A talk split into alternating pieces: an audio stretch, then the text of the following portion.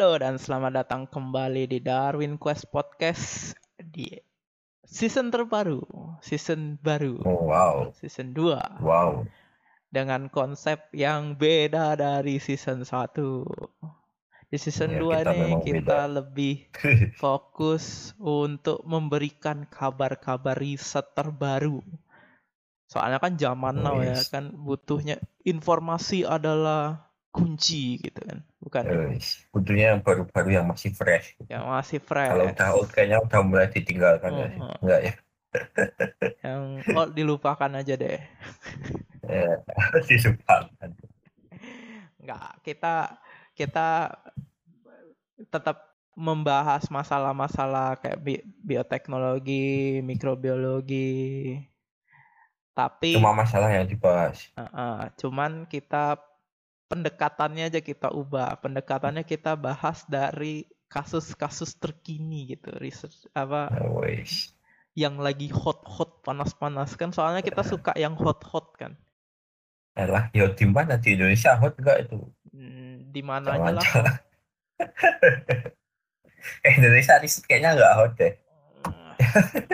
hot kok di Indonesia ada riset yang hot itu yang kemarin itu Apa? Apa namanya eh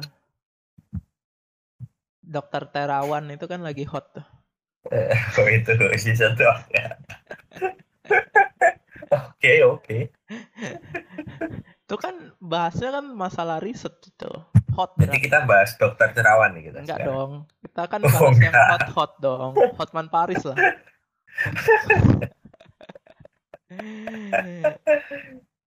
ini Oke, oke. Yo, ngapain? Langsung aja. langsung aja yang yang lagi keren ya yang lagi keren di Amerika lah yang lagi lagi sibuk ngikut perang sama Rusia kan Amerika kan lagi heboh kan Iya. Kayaknya nggak cuma Amerika yang sibuk ngikut perang. nggak cuma Amerika Tapi yang paling getol Amerika sih. oh ya. gitu oke kita bahas dulu dari negaranya si si si Uncle Sam ini ya si paman Sam ini Ya, oke, oke. Apa-apa? Kalau di kemarin kan ada tuh di YouTube tuh kan. Di YouTube ada Business Insider kalau nggak kalau ininya apa namanya YouTube-nya. YouTube-nya Business Insider. Di situ dia nampilin dokumenter kalau eh, Florida jeruk Florida yang kita sukai itu yang jusnya itu sangat juicy itu. Emang apa jeruknya di Florida? Aku nggak tahu ya. jeruk Florida. Bukannya di kita tuh ada Floridina itu bukannya jeruk Florida itu ya? Eh, itu dari Florida ya, Florida. Aku kan Iya. nggak tahu. Ya terkenal lah jeruk Florida itu kan yang terkenal kan kalau di Indonesia itu kalau jeruk dari luar kan jeruk Mandarin, jeruk Florida, yang kuning bulat itu loh Mif, Oke, oke. jeruk Florida. Nah, kalau dari dokumentarinya kemarin itu dari videonya yang di ituin baru nih 8 Mei 2022. Nah, dia Hmm, Tiga, tiga hari yang lalu. hmm, Fresh banget ini Mas ya. fresh banget ya. Jadi mengalami eh, panen terburuk dalam 70 tahun terakhir Se- semenjak Perang Dunia Kedua.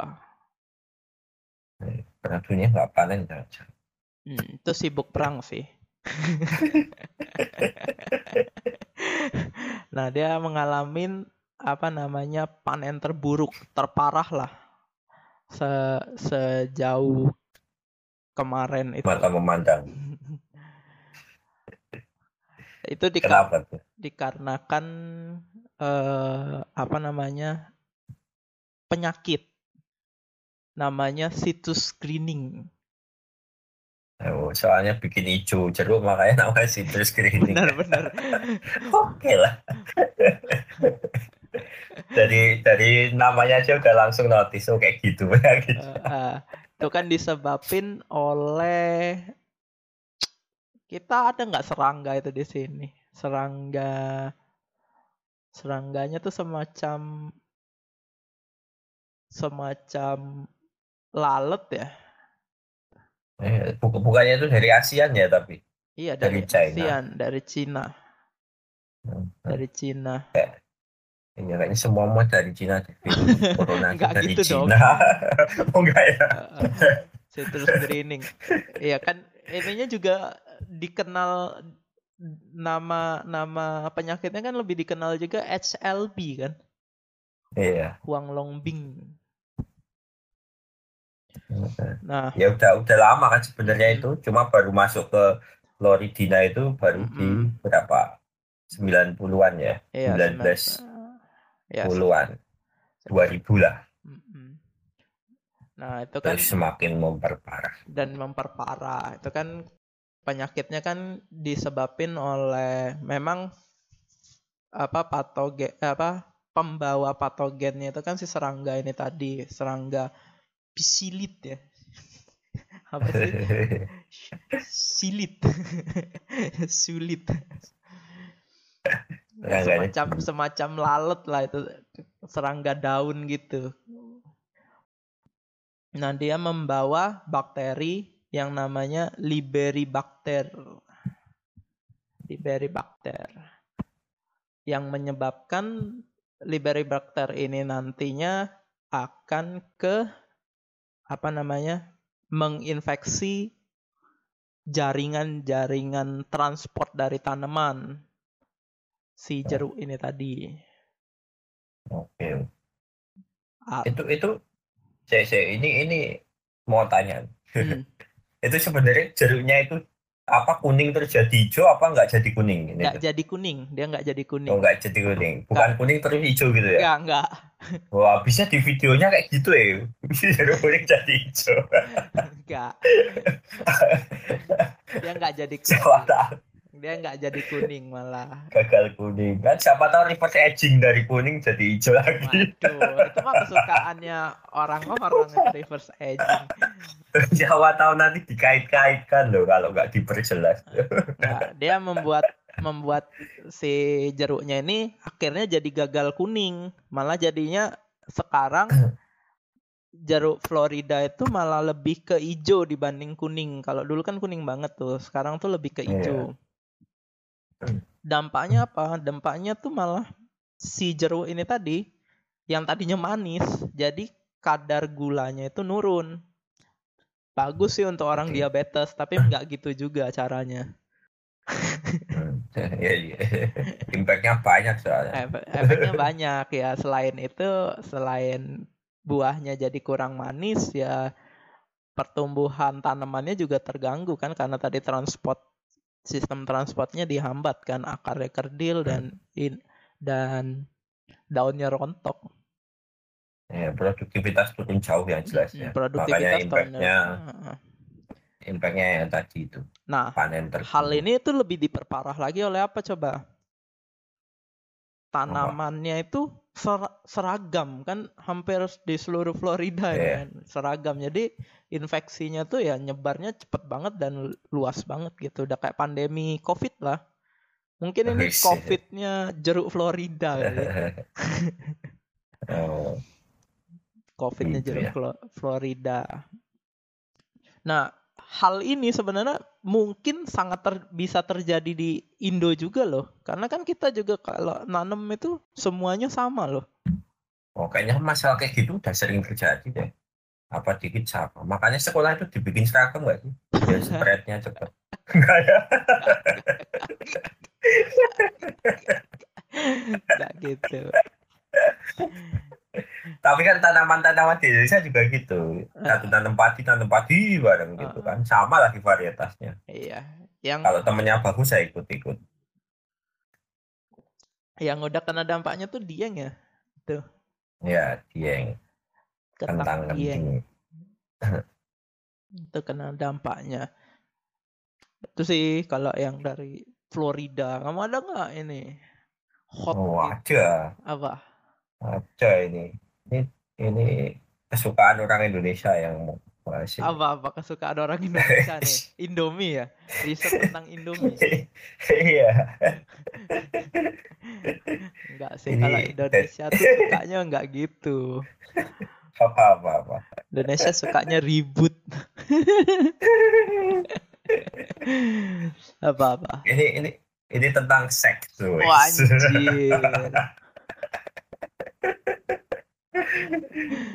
itu ada ini kan baru-baru ini kan uh, penelitiannya lebih ke arah ini ya genomik. Gara-gara genom sequencing itu udah sebegitu mudahnya. Ini Mm-mm. ada orang orang dari mana sih aku nggak tahu ini ya sumbernya. Ciplos ini. Dari mana ini? Dari mana, Oh. Mif? Dari internet lah. Iya dari internet. Sumbernya The Scientist ini. Heeh. itu dari jurnal Pelos ini kan neliti si sebuah jamur gitu kan. Terus jamur yang biasa tumbuh di kayu-kayu gitulah. Namanya jamur Bukan di kulit, kaptung. Enggak bukan jamur kulit. Di kulit kayu iya benar. Oke, oke. tapi- tapi enggak enggak di kulit manusia. Gitu jadi dia menemukan sesuatu yang ini membagongkan aja Panjai. Semembagongkan apa nih? Semembagongkan apa? nih? Wes. Soalnya si si jamur ini Mhm. di di sequencing tadi kan ini memiliki eh, lebih dari 17.000 seks apa apa Jenis istilahnya kelamin, jenis kelamin. iya jenis kelamin gitu kan satu jamur loh itu satu spesies loh itu Tujuh belas kayak manusia ribu. gitu 17.550 Oh, ini jenis kelamin Kalau di di di Thailand itu yang diakuin itu ada berapa? 17 ya? Ada berapa? iya Ini tujuh belas ribu, berarti seribu kali Ya, oh, lipat. seribu kali lipat dari dari manusia tuh hebat banget. Apa lebih nafsuannya di jamur ini? Tapi wajar sih, kalau menurutku wajar. Kan jamur itu tuh adalah eh, makhluk hidup yang terbesar kan. Oh iya, Walaupun iya. dia masuknya mikro. iya. Walaupun mikro kalau ini dirangkai juga dia yang terbesar. terbesar kan dia. jamur. Nah, untuk apa sih jamur ini sampai punya 17.000 ribu jenis kelamin? Dia mau kawin kayak mana itu? ini sih eh, penelitian ini masih baru ya, jadi belum selesai. Tapi udah ada beberapa dugaan. Salah satunya itu ini biar distribusi sporanya gampang. Nah, kayak kayak manusia Hmm. gitu. Misalkan sama-sama lelaki kan dia nggak bisa breeding ya. Nah, ya Gitu, ini pedang kan ini untuk- pedang kan untuk pedang pedangan jadinya. untuk pengetahuan tambahan nih, untuk yang belum tahu, jamur itu tuh hampir sama kayak tanaman ya, Ya. kayak manusia juga. Dia punya dia baru bisa secara apa namanya? gametofit. Iya, secara gametofit. Hampir sama kayak tanaman ah. sih sebenarnya. Iya, itu gitu. dengan cara ya seperti itu. Walaupun dia juga bisa vegetatif kayak gitu dengan apa potongan-potongan miselium. tubuhnya Nah, gitu. potongan-potongannya. Tapi untuk bikin spora dia harus kawin. Mm-mm. Kalau potongan tubuh ya cuma kayak Mm-mm. ya dari itu doang lebih terbatas. Yaitu sporanya itu kalau nggak ketemu lawan jenis gitu kan, Mm-mm. dia nggak bakal nggak bakal berkembang. Nah, ini kalau Gitu. 17.000 lawan jenisnya. Iya, ya udah kan kemungkinan ketemu sesama jenis kan lebih kecil Oh jadinya. iya betul ya. Jadi bukan Jadi kemungkinannya jadi kan lebih gede kemungkinannya nggak ya. 50-50 ya. Iya, nggak fifty fifty. Tujuh belas ribu banding satu apa ya? Apa berapa kali banding berapa itu? Enggak dong, enggak 17.000 banding saat. Iya, banyak banget lah itu. iya, le- lebih banyak kemungkinan dia breeding daripada nggak breeding. Kalau kombinasinya kan banyak itu berarti. Mm-mm. Kalau manusia gitu kan asal ketemu manusia bisa tahu-tahu pedang-pedangan kan caca. Kalau saling tutup mata kan nggak tahu. Kalau Iya. tutup mata kan ketemu, udah bisa menikmati lah tutup mata aja. Waduh, ini di di spesies jamur ada ini enggak sih? Ada ada kelompok SJW LGBT enggak sih? Waduh, nggak tahu. Nggak tahu LG-LG-nya apa. Aduh. Itu It- Itu kalau berarti ini si jamur ini punya 17.000 ribu apa jenis kelamin ini ribet ini untuk yang gender apa gender. Iya ya kalau kalau apa udah advance jamur gitu kan bisa internetan juga gitu kan ngisi gender. aduh itu nyekrolnya banyak banget itu sampai bawah si jamur ini gila nah ini 17.000 ribu jenis kelamin jamur ini tuh dilihat dari apa kalau Indon kalau manusia kan ada kromosom X atau Y kayak gitu kalau jamur itu dari apa Dari apa namanya? Kalau di jamur ini seks genom ya Hmm, namanya itu. Itu ada apa re- region yang menentukan si seks jamur ini. Namanya mat A sama mat B. wes Jadi jadi nanti di mata sama mat B mata sama mat B mata-mata. Iya itu perkembangan genome sequencing itu tadi sih. Makanya ini kan apa dilihat kombinasinya dari si mat A sama mat B itu komposisi DNA-nya terus di apa disimulasikan itu ketemu 17.000 ribu oh gitu beda-beda di dalam satu spesies ya itu. Di- ini cuma Satu dalam satu spesies ya Oh, Gila. nggak tahu kalau Tapi satu ini juga- spesies-spesies lainnya nggak tahu. Jadi baru juga kan ini penelitiannya di Eh, ya, di baru. jamur Trichaptum orcus. Hmm. Begitu coy. Ini April 2022. Hmm, April 20 April 2022 20 April 2022 ya masih baru lah. masih baru sekali. Hmm. Ya berarti masih banyak kemungkinan yang bisa terjadi ya. Itu kan baru spesifikasi eh apa identifikasi awal ya, hipotesis baru awal. ya. identifikasi awal. Ya gitu. Nggak tahu nanti nempel di manusia tiba-tiba bisa merintih.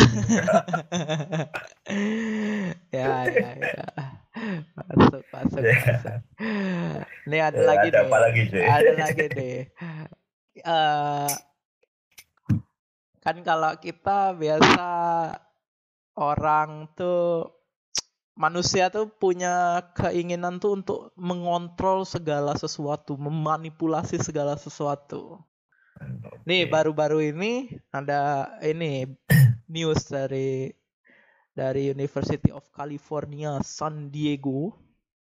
Itu para researcher di sana itu mema- bisa memanipulasi demografik. Jadi kayak eh, kelompok yang ada di kelompok mikroorganisme yang ada di biofilm dengan Oke. Dengan elektronik teknologi. Wis.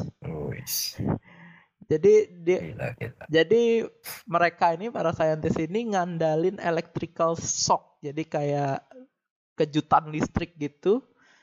Nah, mereka mendiscover menemukan di situ kalau dengan sh- eh, shock tertentu eh, bakteri dalam komunitas biofilm itu ada yang bakal mati, ada yang bakal berkembang lebih baik gitu.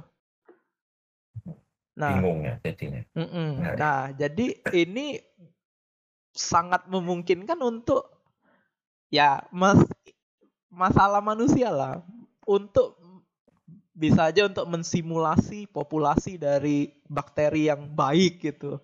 Mungkin nanti Baik-baik aja. Heeh. Mungkin nanti bisa di di ini apa digabungin dengan teknik eh, konvensional kayak misalnya elektroakupuntur gitu kan. Kita Wes. mengontrol mikrobiom perut. Bisa jadi loh. ya bisa. Karena ini kan Itu juga di mana? baru.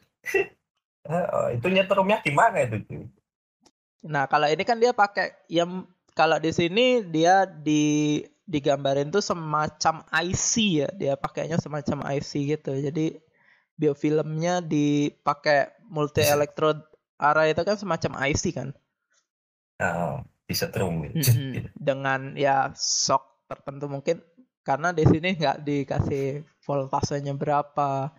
ininya berapa, waktunya berapa gitu.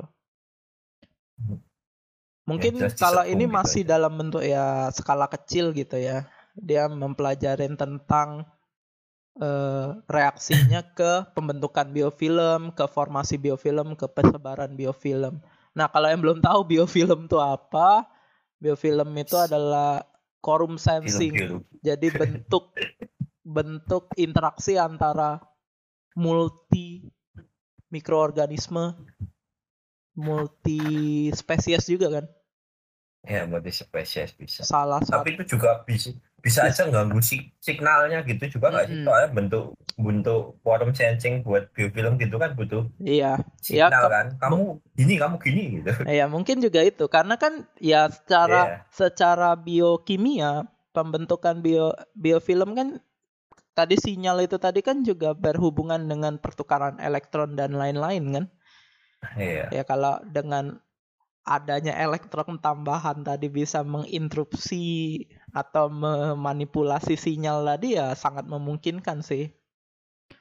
Iya. Mungkin di Indonesia, Mungkin. eh, mungkin di Indonesia, mungkin nanti di masa depan mungkin kita kalau sakit kanker disetrum cuman di bagian kankernya doang mungkin bisa. Iya, iya bisa aja. Atau TBC tuh, TBC, TBC kan dari quorum sensing tuh. Hmm. Kalau signalnya udah dipahami mungkin Nah. kemungkinannya bisa lebih luas lagi tuh ya. Iya, Jangan-jangan pakai gelombang radio aja bisa memanipulasi. iya. Ya kan kita nggak tahu karena selama ini kan kita ya belum sampai situ terdiscovery-nya kan belum sampai situ Iya, kita iya. pengetahuan kita tentang itu. Iya. Jadi sekarang apa apa-apa berkembang nih di elektronik kan udah ada MEMS Mm-mm. juga sekarang. Apalagi nyetrum apalagi banget sekarang elektronik benar-benar cepet banget perkembangannya. Eh, iya, apalagi gara-gara COVID ini ya. Oh. ya. Ya, itu bisa banyak lah nanti bisa dipakai untuk mungkin kita bisa mungkin yang paling paling mungkin ya paling cepet nih untuk dekomposisi karang gigi. Oh ya bisa itu itu biofilm juga ya. ya film juga itu. Dan dia letaknya di luar tubuh kan. Jadi Hmm. aplikasinya kayaknya paling gampang itu nantinya. Kamu ada lagi nggak Mif? Oh ada satu lagi nih. ya. Wes. Ini juga agak baru, agak baru nggak baru-baru banget, tapi baru. Baru, Dari baru, Mac- baru. Kalau masih tahun ini masih baru. Yes. Tahun kemarin Oh, masih iya. baru. Dari Max Planck Institute ini Wes. eh, dari Marine Microbiology. Yes. Wes. Ini ini ngomongin ini sih, mikrob juga bisa sakit loh. Gitu. Oh, benar benar benar. Kita selama ini taunya mikrob itu yang nyebabin sakit doang ya. Ternyata Iya. mereka sendiri bisa sakit. Jadi penyakit tuh bisa sakit juga ternyata. Enggak dong, penyakit nggak bisa sakit dong. Penyebab Oke. penyakit bisa sakit. Oh iya. Kalau penyakit ya penyakit aja ya. Heeh. ini mungkin kayak ini kita di Indonesia pernah ini enggak sih pernah ada istilah ini cacingnya cacingan. Iya, iya. Oke, Tapi gimana kan nih? ini-? Gimana nih? Manusia kan juga bikin sakit biasanya, bikin Oke. sakit hati. gitu. Oh anjir.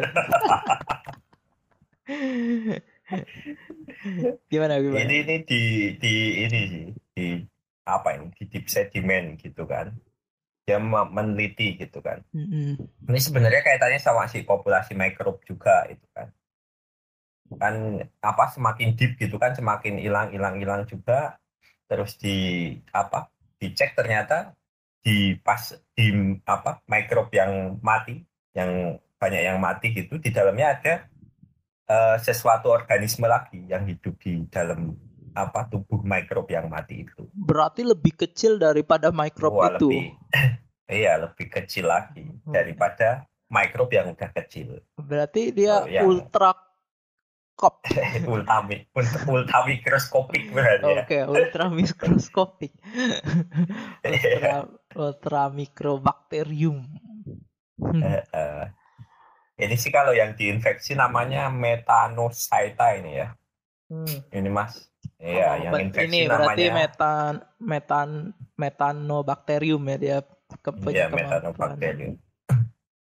Kalau yang infeksi ini Velamenikokus archaeoporus. gitu. Wah, berarti arkae.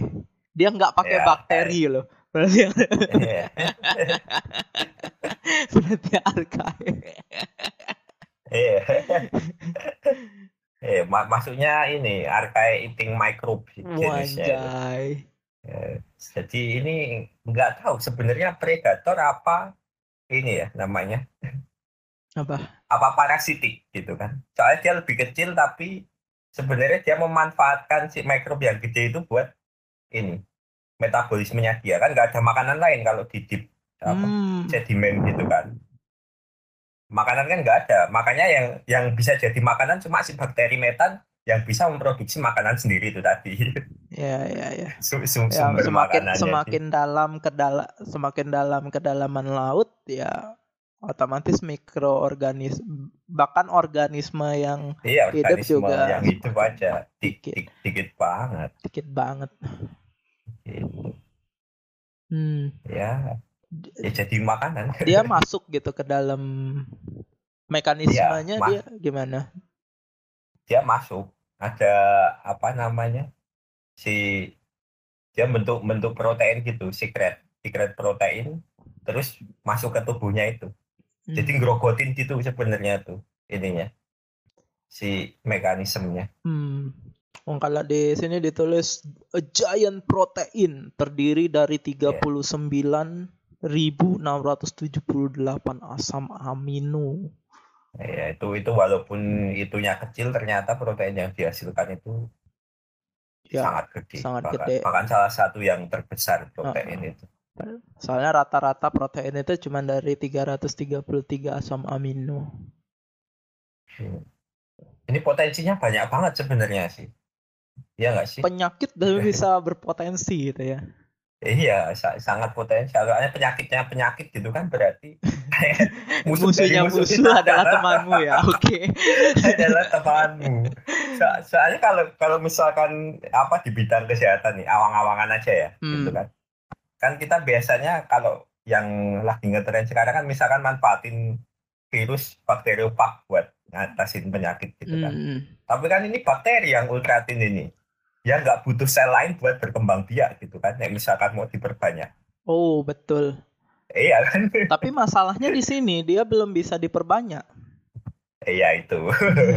Mungkin ke depannya aku bilang kan. Oh, Kalau oke. misalkan di, di- ditemuin si ini lagi yang lain gitu kan. Parasitik. Nah, iya, ini itu- ini kayak ini ya apa membuat paradigma baru kayak gitu ya. Iya paradigma baru bahwa bahwa nggak nggak cuma ini loh nggak cuma virus loh yang infeksi bakteri gitu kan.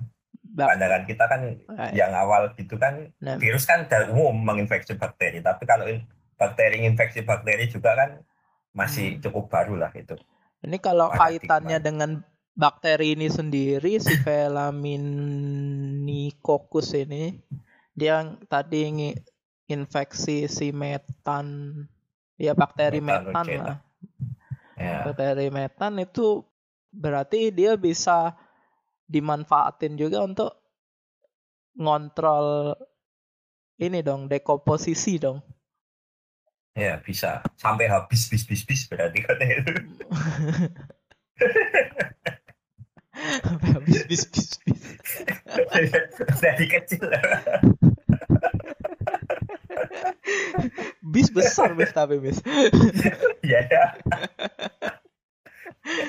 terus di, dikomposisi Ya banyak berarti ininya apa? Ya banyak banget sih potensi yang bisa digali sih dari itu.